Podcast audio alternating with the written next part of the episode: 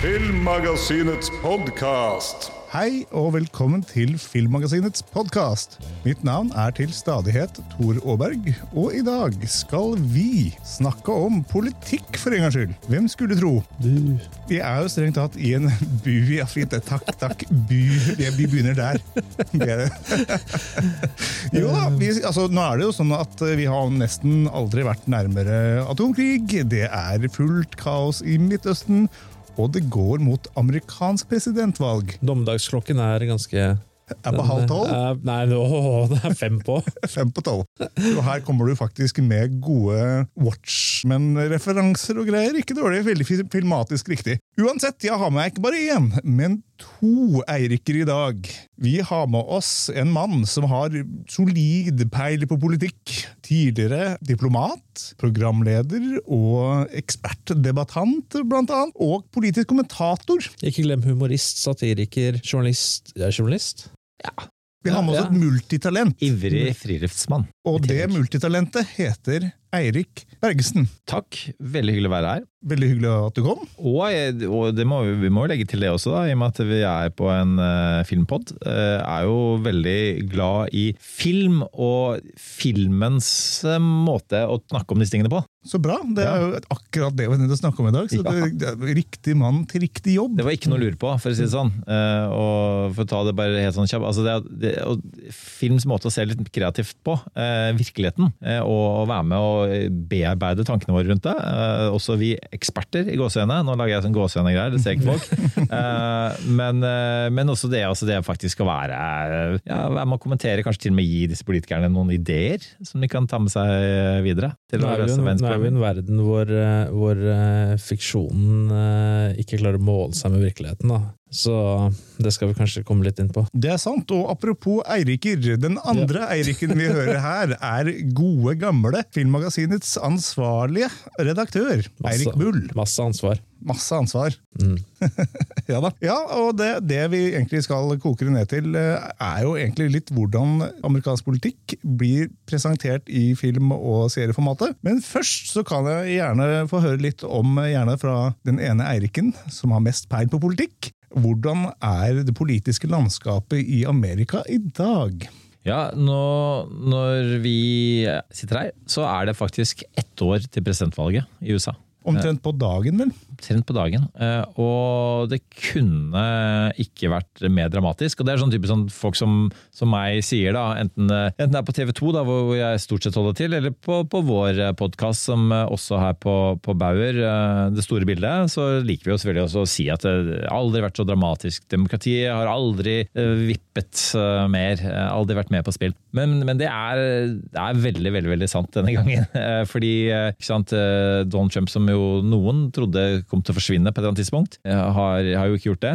Eh, Han stiller igjen. og vi presenterte i TV 2 en meningsmåling eh, nå i helgen som jeg kommenterte på, som er, viser at eh, Donald Trump leder eh, på meningsmålingene. Og det tror jeg mange ikke har fått med seg. Jeg skjønner jo at det er mange som, som ikke er så nerdete at, at de sitter og følger dette nå et år før, men jeg, jeg tror mange tenker at eh, med alle disse rettssakene osv., så, videre, så på et eller annet tidspunkt så, så vil han jo bli forhindret fra å, å bli valgt til president. Men nei da, de rettssakene har bare boostet han, eh, og han leder nå med jeg tror vi hadde 0,4 jeg foran eh, Biden, men eh, det står jo og faller på disse vippestatene, eh, og der har han et grep. eh, Og en av de vippestatene som Biden har ledet i, eh, er jo f.eks. Michigan. Eh, Michigan er det mange arabere som bor, og, og gitt eh, USAs støtte til Israel, så har jo det falt, eh, og han kommer nok til å miste miste Michigan med mindre han nærmest lager fred i Midtøsten. Det kan fort være at han, om ikke gjør det, så iallfall at han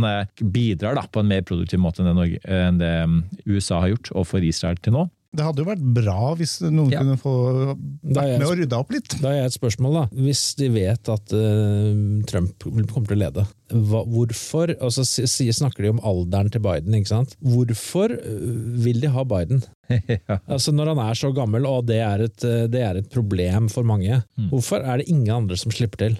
Ja, det lurer jeg også litt på. Mm. Ve- Veldig godt eh, spørsmål. Og det, og det er sånt eh, Det er jo ikke Det er jo de gangene på at jeg eh, kritiserer Trump, og en, en trumpist, enten det er i Norge eller USA, blir, blir sur på det, så tror jeg de tar det for gitt at, at, at vi da, eller jeg da promoterer Biden. eh, Og jeg har ingen problem med å se svakhetene med, med Biden. Eh, Og det med alderen er jo en av de åpenbare eh, svakhetene. Og, og, og så er det jo det enkle svaret på spørsmålet er jo de bedre kandidatene finnes jo. Og så er det jo da, spørsmålet da neste spørsmål blir da på hvorfor eh, er ikke de da i det hele tatt i nærheten av å være aktuelle engang? Hvorfor er det ikke engang et, sånn, et, et primærvalg hos demokratene? da? Eh, Det vil si, det, det, nå blir det kanskje det, for det er, det er en kar som har meldt seg på der. Men, men som, eh, og så er det han RFK jr., som, som også nå stiller som som tredjeparti. Eh, Kandidat da, som, som prøvde seg først som demokrat. Men, eh, men i, i utgangspunktet så er det jo ingen sånn reell eh, duell der, da. Um, nei, altså, det, det er, altså de, USA som samfunn er jo Det er jo gitt Nå vet vi nå snakker om film da, og populærkultur. Det er jo et land hvor populærkulturen er viktig. Det er et land hvor um, du som president er mer enn bare en politisk figur. Du, du, du er en populærkulturell figur, eh, hvor du skal nå ut til, til mange. Folk skal um, vite hvem du er, de skal på en måte kjenne en del til deg. Eh, Vi vet at liksom, Biden har jo vært, eh, vært politiker gjennom eh, 40 år. Trump var jo helt fersk som politiker, men han var jo eh, både kjent som eh, forretningsmann, men også som, eh, som TV-kjendis. Og det virker som det har hatt positiv innvirkning på hans ja. evne til å kommunisere med massene. Absolutt, og det, er klart at, at folk følte de kjente han. Så det, så det korte svaret på, på det er på en måte at du, du trenger tid til at folk skal bli kjent med deg. Så det du, du sier, Hvis du sier at hei, jeg er en vellykket guvernør fra en liten stat, og der har jeg balansert budsjettene, og jeg har liksom, eh, noen offentlige sektorreformer og osv., så, videre, så holder ikke det, på en måte, for at folk har ikke comfort zone med deg. Eh, Når det gjelder Trump, da, så er jo det som er interessant med han, er jo at det programmet han ledet til Apprentice, som jo var et som sikkert en del nordmenn kjenner også, som er jo et program, sånn ledelsesprogram hvor han har, har ulike kandidater som han skal på en måte slåss om å bli hans lærling. Da. Og, han, eh, og da sitter han, liksom, hvis du tenker på sånn reality-estetikken, da, han sitter eh, ved enden av sånn mahognibord, han har rådgiver på hver sin side, og så, og så sitter det noen håpefulle der, og så sier han 'you're hired, you're fired', han er perfekt lyssatt, eh, om ikke perfekt sminket, det er han vel aldri, men, men altså på en måte og mange som sliter litt med sånn, eh, hvordan konstitusjonelt demokrati funker. da, og Det er høringsrunder, og det er parlamentariske prosesser, og det er ett skritt fram og to tilbake. og Ting tar tid, og kompromisser skal lages. Syns at det er litt vanskelig. Kan man kanskje ønske seg et sånt system hvor det er en, en kar på enden av et bord som bestemmer, eh, som tar avgjørelser. ikke sant? Og, og i, islamsk ekstremisme, innreiseforbud til, til muslimer, ulovlig innvandring fra Mexico. Bygg en mur. Ikke sant? Veldig handlekraftige, enkle løsninger. Um, hvorfor er det ingen som har tenkt på dette før? Uh, og, så, og så ønsker man seg et sånt system, da. Men så vet man da at det er nå engang sånn uh, demokrati funker, at, eh, at, det er, da, at man da skal stole på den ene personens uh, vurderingsevne. På et eller annet tidspunkt så går det galt, da. Det virker jo som i flere land folk vil ha sterke menn i lederposisjoner, men noen av dem har blitt for sterke meninger og tar helt over. Og, Men det, det her er jo landet hvor, eh, hvor, hvor Er det Texas hvor eh, guvernør Jesse Ventura var jo, eh, var, var jo Han var jo fribryter, ikke sant? Minnesota. Minnesota, Ja. ok. Uh, ja. The governing body Ja. av Minnesota. Han ble kalt The Body Ventura. Jeg har en kaffekopp med, med han. Jeg fra det jeg var i Minnesota. Men, men du, og det kan du si at eh, det, det som er interessant med amerikansk politisk historie, at det er veldig et så kjendisfiksert land, er veldig få kjendiser som har vært politikere. Eh, Jesse Ventura, Mm. eh, godt observert. Og så har du jo eh, eh, Schwarzenegger. The Governator. The Governator Ja, selv, selvfølgelig, Ikke sant? selvfølgelig. Eh, og, men utover det så er det jo nesten ingen. Heller ikke blant kongressrepresentantene. Eh, hvorfor ikke? Jo, for jeg, jeg tenker at én, kjendisene skjønner sjøl at det er, det er litt vanskelig å være politiker. Eh, ok, Det kan, kan være, virke litt artig å være president, men, men om du er guvernør eller du er på en kongressrepresentant, det er mye du skal sette deg inn i, det er store dokumentmapper du skal lese osv. Det er nok bedre betalt eh, å være Hollywood-stjerne. Men, eh, men når, også når det er sagt, så er jo og både Schwarzenegger og Ventura egentlig sånn eh, sett på som ganske vellykkede politikere. Det er Vellykkede guvernører som, som klarte å få gjennom en ting. som begge, Ventura var tredjepartikandidat, Schwarzenegger var, var republikaner, men begge hadde ganske, ganske liberal agenda. og eh, og var på en måte både sånn, sånn samlingsfigurer da, som man må være som politiker i, Jeg jeg i USA. husker jo, husker jo altså, ja. noen, noen år tilbake, eh, så var det i valget der så var Det jo, det, det skjer jo i Norge òg, fordi at du hadde jo det politiske partiet. Ja, ja, ja, ja. De, og de fikk mye stemmer. De Det fikk jo masse stemmer. Det var jo disse to- og Antonsen og ja, ja. Vi skal gjøre det folket bestemmer, vi. Ja. De som folket sier å stemme på, det skal vi gjøre. Det var satireparti, rett og slett. Så Ja. de fikk jo, kunne jo fått, uh, fått folk på Stortinget, de. Men det var, det var faktisk en sånn undersøkelse i det var Nettavisen som hadde, det er noen år siden nå, hvor de ble spurt hvem ville du stemme på som statsminister utover politikerne? Altså hvilken sånn samfunnsprofil, da, kan, hvis du kaller det det, eh, ville du stemme på? Har dere noen idé om hvem det kunne vært? Oh, Abid Raja? Han ble jo politiker, ja, sant, ja, selvfølgelig. men en, en ikke-politiker. Jeg tenkte mer president eh, Ja, du tenkte bare som Ja, politiker. hvilken sånn- kjendis da, for å si det sånn, da, Ja. tror dere det norske folket kunne tenkt seg å sett som statsminister? Oh, den er vanskelig. Og, og for å si sånn, Hvem kunne dere tenkt dere å sette som statsminister? Ah, ja. kjendisene? Oi, oi, oi, oi. Om noen. Det er lov å si ingen. Jeg kan ikke komme på noen, ass. Med vår gamle som gikk på, på Nord- Nord- Nordstrand videregående. Hva, hva heter han? Han er, eh, han er araber. Uh, komiker. Zaid Ali. Ja. Ja. Han er jo ikke helt ulik for så vidt eh, Golden og Antonsen. Nei, nei. jeg Han tenkte tilhører den generasjonen med litt sånne ironikere. Um, men eh, nei, eh, nå, nå skal jeg si hvem det er, så vil dere nikke gjenkjenne til det. Ja. Um, Petter Stordalen.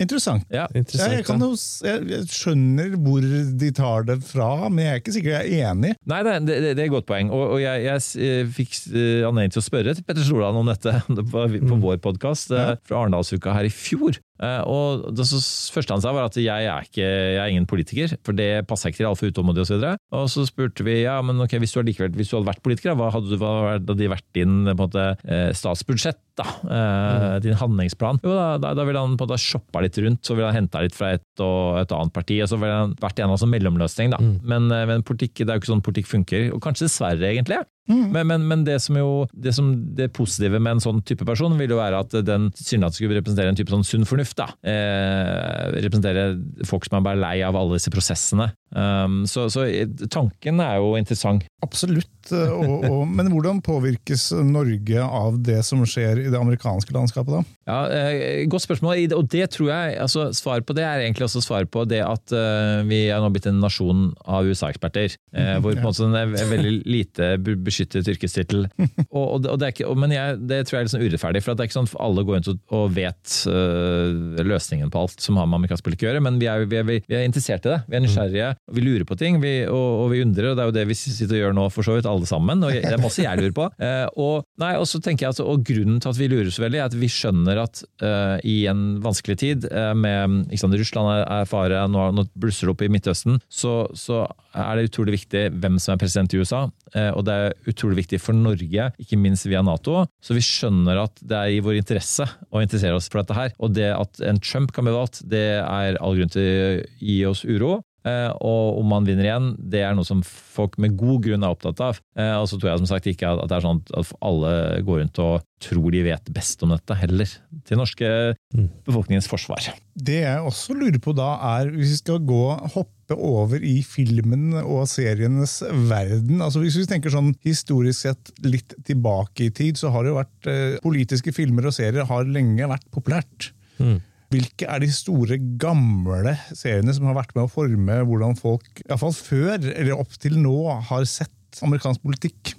Da jeg skulle til den episoden her, så er det én episode, eller én film som gikk gjennom i huet veldig mange ganger, og det var Wag the Dog. Som eh, Du fikk en tommel opp av meg nå i lufta. Hmm? Du fikk en Jeg tommel, fikk tommel opp, to ja. Jeg så, jeg så, ja. Wag the Dog den, den, er, eh, den er vel fra 90-tallet en gang, tror jeg, eller tidlig 2000. Det kan jeg bli, gjerne bli arrestert på. Men uh, det er med Dustin Hoffman og Robert De Niro, og, uh, hvor du har uh, en um, Det er en krise da, i Det hvite hus som eh, gjør at eh, presidenten er eh, Og det, det, det er veldig gjenkjennelig for ting som skjer med Trump, men Trump hadde, Trump hadde jo ikke, hadde jo ikke gjort det. men. Jeg tror det er siktet mer på Clinton. Så det er en krise hvor han, eh, presidenten, eh, kan tape masse makt. Og så, så får de en regissør, eh, spilt av Dustin Hoffman, til å starte en eh, fiktiv krig.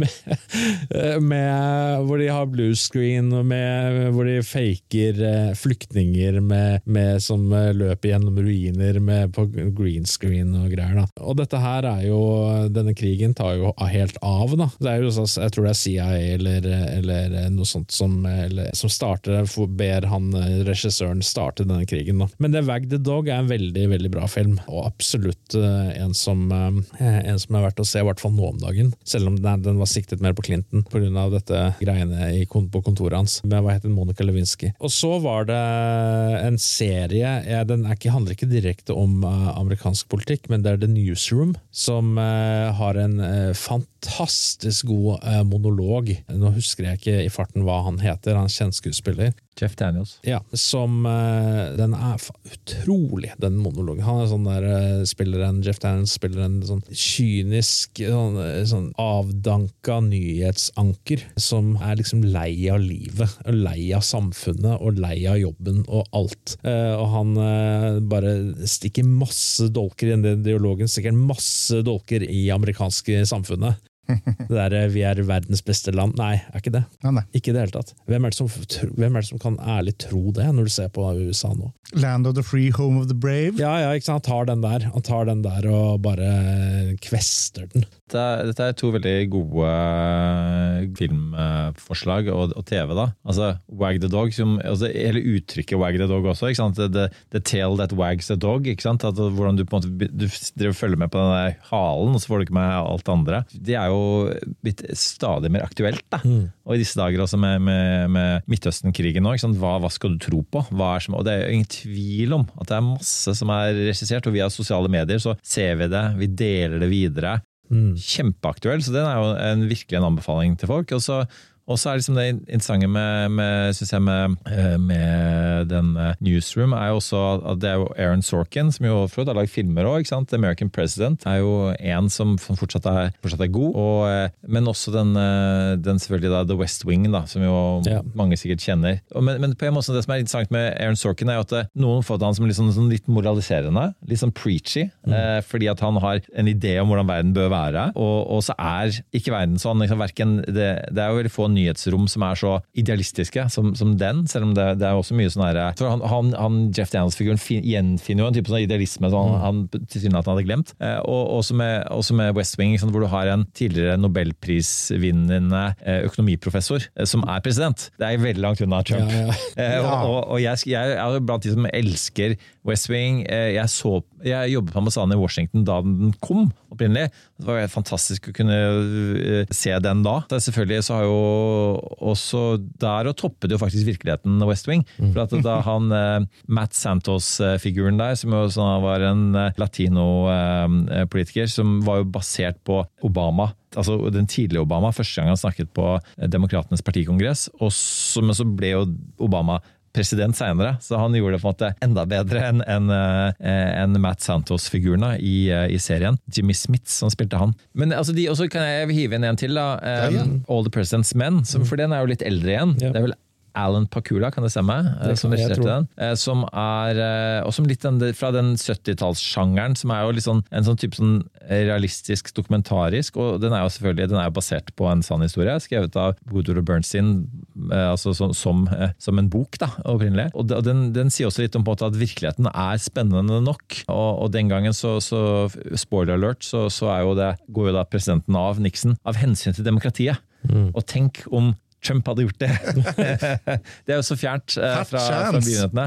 Så det sier også litt om eh, Og det er, liksom, det er, litt av problemet i verden i dag, som jeg tenker at film og TV er, det er noen av det kreative der som kan bidra, da, fordi at vi har mistet fremtidstroen. Og den der, eh, spesielt kanskje sånn fra 89, da, eh, sånn etter murens fall og, og, og så videre, som, som er, er, blitt litt borte. Og det sånn, noen, Kanskje trenger man en sånn ny type sånn West Wing, en sånn serie som, mm. Som kan være med oss og fortelle, gi oss litt tro på at Borgen òg, for så vidt, den danske serien Den har jeg sett alt av, faktisk. Ja, det er en bra politisk serie, den. Altså, det er mer sannferdig enn West Wing, altså. Det kan jeg se for meg. Faktisk, ja. Danmark tar ikke like av som uh, Borgen. Det syns jeg er bra. Hvis man skal lage en ny film eller serie om politikk nå, da må det jo være noe som, noe som går, peker litt på Trump, da, tenker jeg. Men hvordan gjør man det? Altså, det kommer jo en film om Trump en gang. Ja, ja. Det, definitivt. Men hva, hvordan lager man det? Det er jo dette med fiksjon og virkelighet. ikke sant? Hva er merkeligere? Du kan ikke, hvor du, altså hvis folk, du hadde lagd en, en ekte, en sann historie da, om Trump. Og så da hadde jo eh, Folk hadde ikke trodd på det. Nei, altså Hvis, den, hvis de ikke kjente til Trump, og liksom bare ja, særlig det her var dårlig skrevet, mm. det er usaklig, liksom. Mm. Ja, altså den, det er jo lagd én sånn film fra Hvis du sier Trump-æraen, da. Hvis du mm. tenker at den begynte litt sånn med Bush og, og Cheney og, og, co., som jo for så vidt stelte i stand mer ugagn internasjonalt enn det Trump har gjort, gitt at de innleda både krigen i Afghanistan og, og Irak. Så eh, filmen Vice, eh, Adam Mackay, det er jo en, både en veldig veldig god satire og en mm. veldig sannferdig beskrivelse av det med utgangspunkt i Cheney, da, som var visepresident, av den virkeligheten den gangen. og det, det også er sånn, sånn, altså God satire er jo, er ofte veldig beskrivende for, for virkeligheten. Og, og Vi for Vendetta, filmen, og som oh, ja, den grafiske romanen. Absolutt. Der har du en figur som er en satiriker, han eh, Gordon i filmen, som er spilt av eh, Stephen Fry.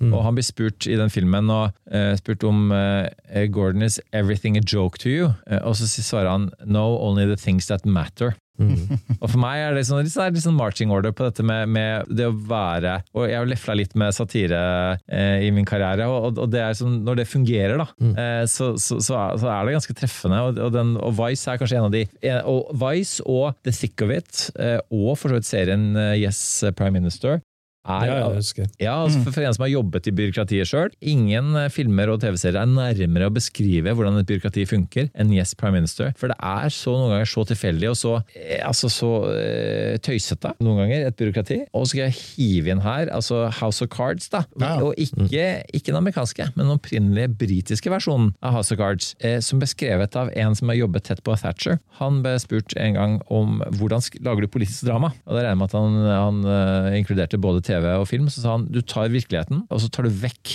det mest uh, utrolige som skjer, for det er, det er ikke troverdig. Ja. eh, og, så, og, og, så, og, så, skriver du det. Eh, og, det er liksom sånn herre Det er liksom makta også, da, som nå går på, på NRK som TV-serie. Eh, den er jo nå, nå, ser vi for første gang ordentlig hva som skjedde den gangen eh, i Arbeiderpartiets kulisser på 70- og 80-tallet. Og det er jo helt utrolig. Og, det, dette, mm. ja, De har tatt seg noen friheter, men det er jammen ikke langt unna. Og dette er jo ting som ofte blir sånn idyllisert da, i ulike typer serier. Det er jo ikke bare satire, men det er jo en del andre komiserier. vi ja. er jo en. Uh, Parks and Rec er en serie jeg liker veldig godt, men den er jo på en måte hovedkjernen. Det er liksom parkvesenet, men jeg har jo vært sammen med i flere år tidligere da, ei som har jobba med å pimpe opp parker og sånn. Og hun, hun Leslie Nope i den serien, og hennes store helt var jo festlig nok Biden. Så det er liksom festlig liksom, når han dukker opp der, så er det What? What is this? så det er, det er, mye bra der. Og jeg vet ikke, Har dere sett den eh, relativt nye filmen Don't Look Up? Ja, ja, selvfølgelig. Setter jo ting på spissen. Den er også Adam Mackay. Og den er jo på en måte, men den er jo, den er jo det problemet der, for der prøver han å lage satire på Trump. Og det var det avslører for lytterne, at det var noe av det vi snakka om rett før vi skudde på mikrofonene, Eirik. Ja. At, eh, at, Trump bringer jo sånn et ekstra utfordring til satirikerne. Ja, ja, ja, det er jo satire i seg sjøl, så hvis du skal uppe det gamet, så sliter du litt. Eh, og, og, det gjør at, at, eh, jeg tror at ikke alle likte den filmen så godt, for det er, bare, det, er, så ko-ko. Eh, men det er, jo, det er, jo, veldig sannferdig. Eh, men, men det, er, det, er, så ko-ko at du, du, klarer nesten ikke å forholde deg til det. Jeg lurer på hva noen, noen må jo ta tak i det. Altså ta igjen da, Nå var det, måtte jo ha en meteoritt for å kjøre satire på Trump. Så, så, det sier jo litt, da. Du må ha en sånn, der, sånn kraft som det til å ødelegge verden. Men da hadde jo de der capsene og med Var det ikke det? Hadde ikke ikke Don't Look Up på de capsene og sånn. Det var jo det der eh, Make America Great Again. Og, men ja, jeg, jeg syns, eh, jeg syns den var eh, interessant, iallfall. Men det var jo mange som hatet den, da, den Don't Look Up. Og det var jo litt av det, det samme det var, Den polariserte jo folk mm. veldig. Mm. Så, fordi den gikk jo rett på, den traff jo der den skulle treffe. Og polarisering er ikke noe som er fremmed i amerikansk politikk, iallfall. Nei. Apropos det, dokumentarer, er det noe gode av de? Ja, det er et uh, godt spørsmål. Det er jo Obama, da, uh, som, uh, som, jo mange mente var en, en, god politiker. Jeg mente var ikke minst en ekstremt god politisk retoriker. Som dessverre ikke fikk gjennom alle, eh, alle lovene han eh, prøvde å få gjennom. Og eh, ikke minst fordi han var da grunnleggende bekjempet av det republikanske partiet. Men han er ute med en dokumentarserie nå om, som heter Working, som handler om, om amerikansk arbeidsliv. Den, den, den liker jeg veldig godt. Det er et sånn god, godt eksempel på en måte å utnytte ekspresidenter på. Det er jo, I USA har de jo en veldig sånn liten rolle, da. Men, men han er, måte, er jo stadig i offentligheten. Han var senest nå eh, denne helgen ute og advarte amerikanere om at de må se Midtøsten-konflikten, se begge sider av den konflikten. Eh, med andre ord også de palestinske perspektivene. Ja, ja. Så han har jo en, eh, absolutt en rolle i å tipper jeg, bli- tydeligere fram til valget også, og støtte Biden og bidra til å, måte, at eh, han virker litt yngre og spenstigere enn han egentlig er. ja. Og vi har jo også den Q into the storm. Den er jo knytta til Trump igjen. ikke sant? ja, ja, ja, ja. Vet ikke om det kommer en part two der i neste election. Mer QAnon-action. Det var jo den derre der den semidokumentaren eh, til, eh, om Arnold Schwarzenegger, See Arnold Run. Det er jo en greie om eh, av hvordan han, eh, livet hans, hvordan han blir guvernør. da, Governator. Men det, Eh, Den har jeg faktisk ikke sett. Det er, eh, jeg tror det er, det er sånn, eh, sånn halvveisdokumentar. Det, er det er ordentlige skuespillere. Arnold spiller vel seg selv, og så er det vel noen ordentlige skuespillere. Sånn, Jørgen Pruknau er der og, og spiller da, ekte mennesker. da. Det er en, um, en som jeg tenkte på, som er fra, fra da Clinton Bush. Og det var altså da far Bush, og den heter War Room. Uh, og den, mange kjenner uttrykket sånn It's economy stupid, Ja. om viktigheten av økonomi ved valg. Og, og den er fra, fra den gjengen som ble hetende The War Room. Uh, det var en som het The Raging Cajun, uh, James Carville, og så var det en som het uh, George Stephanopoulos, som er i dag er i ABC News og er, er programleder der. Eh, og, og de, eh, Paul Begala det var den tredje. Det var en sånn gjeng den gangen de rimelig unge eh, menn som da på en måte styrte Clintons war room. Eh, og så var det, eh, og så ble det også da en, eh, ble da en, en film da rundt dette her som de fulgte gjennom, gjennom eh, valgkampen. Og, da, og de, hadde, de hadde på en måte ja, så var det bak kulissene med de da. Og, da, og så viste det seg at han eh, James Carver, da, som ledet kampanjen til eh, Clinton, han ble sammen med eh, Mary Matlin, som ledet kampanjen til Bush. Altså De ble et par. Først et hemmelig par, og så mm, Jeg tror det ikke ble offentlig før etter valget. Men, men, men det er som en av storylinene i den filmen. Det er, det er ganske spesielt, apropos polarisering og forsoning. da. Eh, Og de er fortsatt sammen, for øvrig. Ikke dårlig. Fun fact. Så, så, men den, den, den, det var en av de som er veldig sånn tett på valgkamper. Da. Eh, Det er ikke alltid eh, sånne eh, prosjekter funker, funker veldig godt, men den, den er en av de som, som er verdt å anbefale for de som forstår amerikanske valgkamper. Må jeg hive inn, hvis det er lov, da, boktips. Ja. Ja, Fear and Loathing on the Campaign Trail med Hunter Thompson. Sånn litt, sånn, litt sånn lik sånn Fear and Loathing Han in Las Vegas-stil, som jo også er blitt en film. En av, han er, Hunter S. Thompson er en av mine favoritter. Jeg er veldig glad i han selv, faktisk. Så, Det, der følger Nixon sin kampanje. Mm. Den er, den er verdt, å, verdt å lese. Så, og, og for øvrig også den, eh, den eh, altså hele, Det er lagd en veldig bra film om, eh, om Clinton som heter Primary Colors, som er skrevet av Han har kalt seg Anonymous, da, men som vi senere kom fram at var en Newsweek-journalist som het Joe Klein, som skrev om Clinton bak kulissene. Da var det John Travolta som spilte Clinton i den filmen. Og, så det er også basert da på, på virkelige hendelser. Og det var jo da, da Clinton holdt på med det var mye damehistorier og alt dette her. Og, og, og da disse her i The War Room, de også var ulike karakterer. da, i den, Det var vel Emma Thompson som spilte Hillary. En sånn Hillary-type person. da. Det det er også veldig, veldig bra film. En av de få sånne der, den type sånn spille, altså spillefilm basert på virkelige hendelser som, som funker i politikk. Det er jo veldig populært med politikk eh, på skjerm. Og det jeg lurer på da, hva er liksom de mest typiske narrativene? Hva er liksom klisjeene man ser mest av i sånne filmer og serier? Det er vel eh, kriser. Eh, Det er når det er eh, sånn som da, tilbake til den første vi nevnte her, Wag the Dog. da. Det er det jo, for det, er jo alltid relevant. Det er alltid en eller annen krig, i hvert fall USA. Det er, så du har jo for eksempel Wag the Dog. Da har du Det er en stor krise. Det er jo Don't look up, ikke sant. Det er jo enda større krise. Men det er, men det er, det, det, det er det, jeg tror. Det er kriser, det er, det er kjærlighetshistorier. Og Apropos kriser, så har vi også 13 Days med Kevin Costner, hvor han skal deale med Cuba-krisen. og Ja. Det er jo litt sånn aktuelt i dag med denne atom... eh, Det er jo eh, kommer det er spørsmålet om vi kommer til å få tre kriger på gang. Vi har jo eh, Taiwan også. Eh, da blir det gøy. Da, da, da blir det kjempefestlig. Det er faktisk tema for den siste episoden i det, det store bildet, for øvrig. For da, hadde vi eh, selveste FN-sjefen i International Crisis Group, og da stilte jeg han det spørsmålet. Ja. Kan det være, altså nå så er det et politisk vakuum, så du får en tredje krig med Taiwan og Kina, at Kina benytter anledningen, men eh, da svarte han, så bare for å berolige lytterne da, og dere, eh, at, at Kina er såpass opptatt av måte, ro og forutsigbarhet da, at, at de vil ikke ønske at, liksom, at, risikere da, at verdensøkonomien går fløyten ja. med en tredje verdenskrig. Og, så det, og han sammenlignet for øvrig da, litt sånn som nå går folk rundt og sier at ja, det blir helt sikkert krig et, eh, mellom Kina og Taiwan, helt sikkert, og USA kommer til å involvere seg, bare vent og se. Men sier han, det, akkurat det gikk man rundt og sa også under den kalde krigen. Helt sikkert krig mellom USA og Sovjetunionen, og så ble det jo ikke det. Så, så noen ganger kommer kriger uten at vi hadde ventet det, og så er det noen kriger vi tror vi kommer til å skje, som ikke kommer til å skje, heldigvis. Eh, Og foreløpig så tror ikke jeg det mm, Jeg tror vi har nok med de to, men så er det som apropos liksom det å fange folks oppmerksomhet. ikke sant? Det er ikke mange som snakker om, eh, eller poster sosiale medieinnlegg til støtte for eh, noen av partene i Tigray-krigen i Nei. Etiopia, hvor det har dødd 600 000 mennesker eh, de, på, på to år. Ikke sant? Så det, så det er jo og det er, det er 100 kriger eh, og konflikter i verden per dag. Eh, Sudan, Jemen? Det er mange man, ikke- snakker om, men så er det noe med, med Israel-Palestina som er liksom, liksom på en måte alle krigers mor, i den forstand at det er veldig mye som disse andre krigene som, som, som har med dette å gjøre. 9-11 hadde jo med dette å gjøre. ikke sant? Sånn at, eh, så, så, så det, det er sånn grunnleggende, jeg skjønner, jeg skjønner veldig godt at folk er opptatt av det, men, eh, men bare det også det, altså, Ingenting på en måte hadde vært bedre enn at noen hadde lagd en TV-serie, en film som hadde vært med, om det så var dokumentarisk eller fiktiv, hva med å gi oss litt større innsikt i hva som skjer. da. Fauda er jo en TV-serie som er inne på noe. Vi hadde um, Marte Heian Engdahl, som er en av de fremste sånn, uh, Israel-Palestina-kjennerne i landet, som, uh, eller ekspertene er hun jo, og, så spurte vi henne om det, da, om hva med Fauda. Jeg syns det er spennende som drama, kjempespennende. Men hun sa at uh, hun så første sesong litt ålreit, men følte at det var, det var, de var litt for vekta da, på israelernes sak. Og det gjorde for henne som, da, som kan den konflikten så godt, gjorde det vanskelig å se på. Da. Det er jo alltid et dilemma, og det er litt sånn som med, med makta som går nå.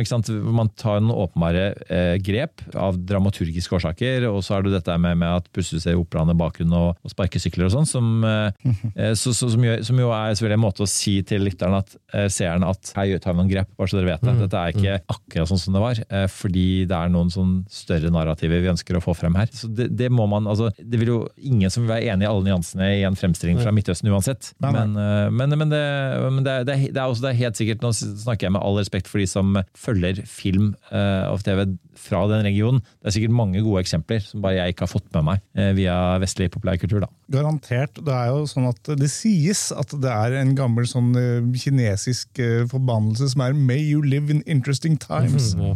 Det føles som den er litt treffende. Det, det er mye som skjer.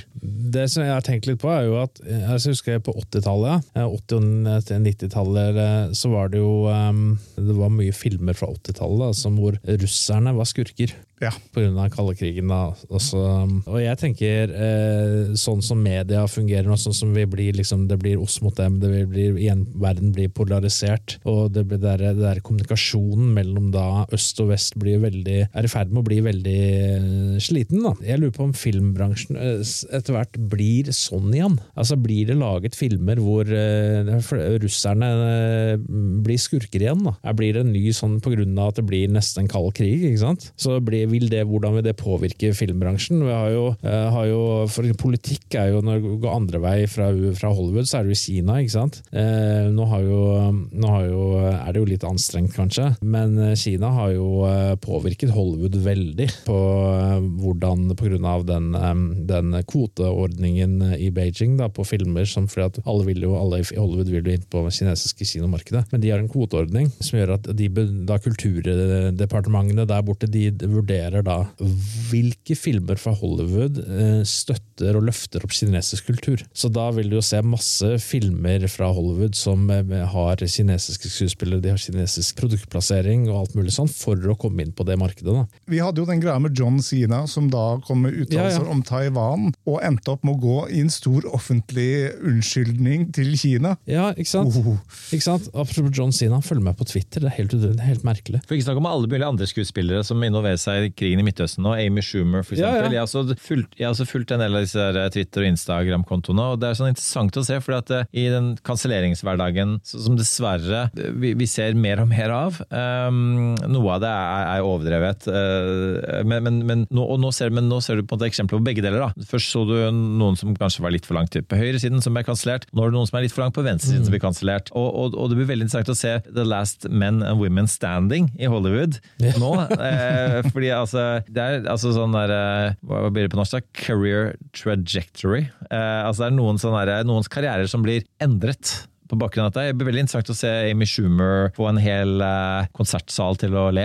eh, Etter at hun var ganske hard i klypa på vegne av eh, Israel. Og hennes forsøk da på å prøve nå å strekke ut en hånd har vist seg å være litt vanskelig. da. For da får hun tilbake et sånn herre Å ja, du prøver å gjøre dette til en sak om deg. Det er et problem. det er, det, det er vel kanskje vanskelig når du er Hollywood-stjerne. og de ikke er, veldig, det, men, de er veldig opptatt av det altså på sosiale medier. Som jeg, jeg kom tilfeldigvis over en YouTube-film eh, som var bare en oppsummering av, eh, av eh, skuespill, kjente skuespillere, og hvilken side de støtter av Det var sånn der, s- scrollet gjennom bilder av skuespillere.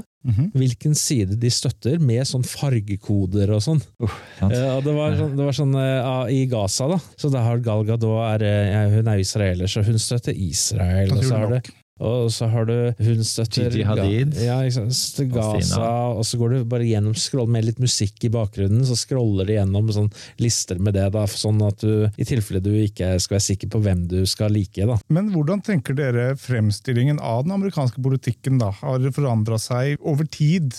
Hvilken retning går den i? Hva er det eh, filmer og serier som er kanskje av nyere type? Hva, hvordan er- kommuniserer det annerledes enn de forrige? Har? Det vil jo påvirkes av det som skjer, da. Så igjen, denne Don't Look Up, den er jo, den er jo inspirert av alt med Trump og Maga og, øh, og, og alle disse tingene der, øh, for eksempel. Og jeg, jeg tror det vil fortsette. Det vil fortsette å bli den typen filmer, men igjen så er det spørsmål om kan vi, kan vi toppe Trump da, i amerikansk politikk, eller det som skjer der borte? Kan vi toppe hun derre Green, hva heter hun? Eh, Marjorie Taylor Green. ja, ja, kan vi, kan vi lage Vil det komme sånn, den typen roller i filmer og serier? De, de, er jo, de har jo blitt karikaturer av seg selv, disse menneskene. en, en film vil uansett aldri speile virkeligheten eh, 100 eh, ikke sant? Og, og, sånn, om, altså, du- og det høres som du hører liksom sånn at eh, ja, men det er ikke sånn journalister jobber, eller, eller, eller ikke sånn politikken eh, fun funker. Mens ikke sant, Clark Kent, som jo er han er også journalist, ikke sant? Og det, det er selvfølgelig ikke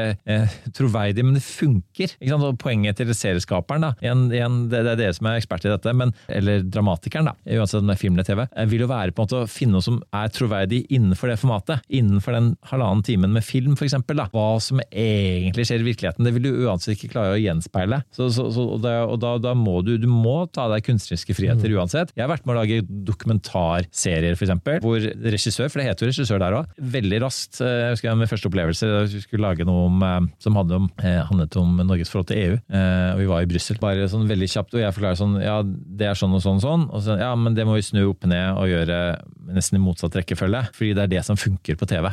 Interessant. Ja, og, og, og, det, og, det, og det, det tok meg litt tid å forstå det, men, men, men det handler om at det er en virkelighet som skal formidles til en seer. Jeg, alle mine nyanser, forbehold og, og detaljer kommer ikke med. Og da må den personen som, som skaper det produktet, eh, destillere og, og, og ramme inn på en litt annen måte for at essensen skal bli den samme. Og det, det tror jeg som er litt sånn fort vi som ikke jobber med disse tingene, glemmer da, når vi er på jakt etter eh, at alt skal være helt sannferdig. da. Interessant med de kreative grepene. Altså Budskap over realisme. realisme. Jeg Altså, ser jo det hele tiden i Jeg kommer jo fra, fra produksjonssiden av filmbransjen, egentlig. Og jeg ser jo det hele tiden. og hvordan, eller Det er stadig den diskusjonen med ligner man Hvis du skal eh, for eksempel filmatisere en bok, filmatisere en tegneserie, filmatisere ikke sant? Ja, altså, folk, folk som ikke vet noe særlig om dette, her, for jeg beklager til alle de som føler seg truffet. Folk som ikke vet noe om, om hvordan produksjon pågår, de, de glemmer det at uh, det er dramaet som kommer først, altså. Og det er viktig, det er viktig du sier. Mhm. Og det, at drama kommer først, sammen med humor også. Poli- Vi snakker om politisk satire i stad. Først må det være morsomt, og så kan det være Ja. politisk uh, beskrivende. Du, hvis du snur på det, så det, det er da det blir på en måte preachy. Det er da det blir moraliserende eller på en måte at overtydelig. Da. Det, må, det, er også, det må heller ikke glemme når man ser på ting som føles autentisk. Her er det noen som har villet enten underholde deg eller få deg til å le, og, det er jo, eller bevisstgjøre deg. da. Og det er jo tross alt eh, til syvende og sist hensikten til, til disse her eh, dramatikerne. da.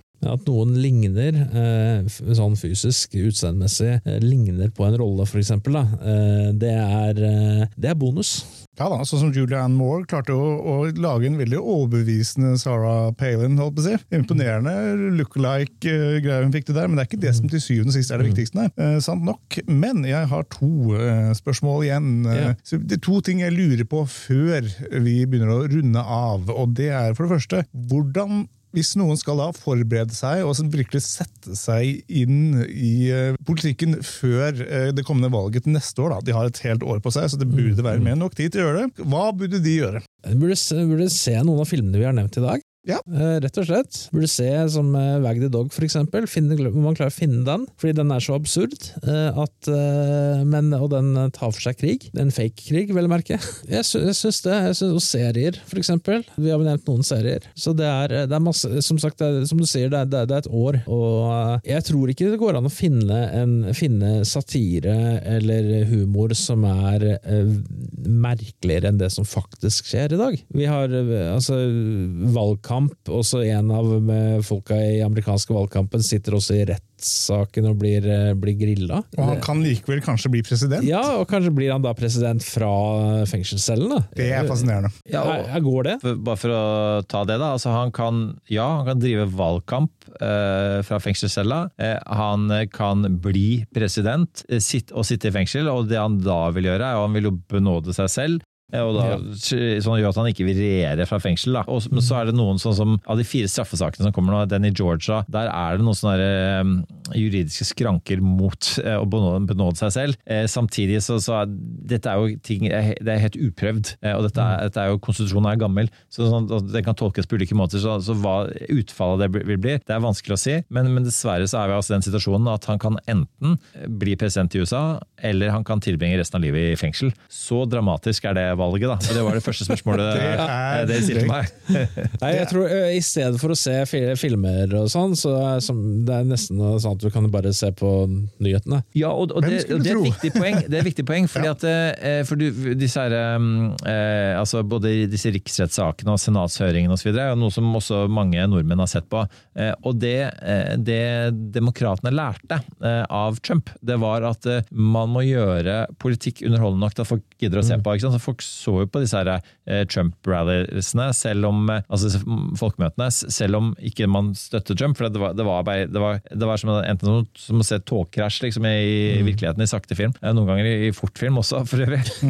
Men, og så skjønte de at så når de da for eksempel hadde riksrettssaken, den første mot, om Ukraina, så var jo disse her, eh, militæroffiserene og disse ambassadørene som er trukket fram, de var jo nesten castet. Ikke sant? Det var jo folk som, som hadde sterke personlige historier, høy moral. Og, Og også når man skal velge vitner i en sånn sak, så må man uansett sile. Så det var jo en siling i bunnen, og det var selvfølgelig folk som hadde faglige forutsetninger for å prate. Men det var også, eh, det var tanke, det var også en tanke rundt måtte, de historiene de forteller. Da. Og det er jo også noe som gjør f.eks. i, i Georgia-rettssaken. Der sier også loven at, at du er nødt til å sende på TV. Eh, Og det også er sånne ting de vil komme til å tenke på. Hvem er disse folkene de møter eh, på TV-skjermen sin? Og mange amerikanere, fordi Eh, De ser Fox News og de stoler på det som blir sagt der, og de vet ikke engang i hvilken grad Trump eh, prøvde å stjele valget. Og, og nå, Hvis de gjør det underholdende nok TV-messig, så vil folkene sitte og se på, og da vil de kanskje for første gang få innsikt i hvor, da, hvor langt og vidtrekkende det, den konspirasjonen faktisk var. da. Eh, Så, sånn at det, det er, eh, så også virkeligheten eh, henter grep da, Ja. eh, fra TV og film for å, for å få til det. og eh, Hvem vet, nå skal ikke jeg være helt sånn Wag the Dog-konspiratorisk, men det kan jo veldig godt være at det er noen Dustin Hoffman-regissører Mm.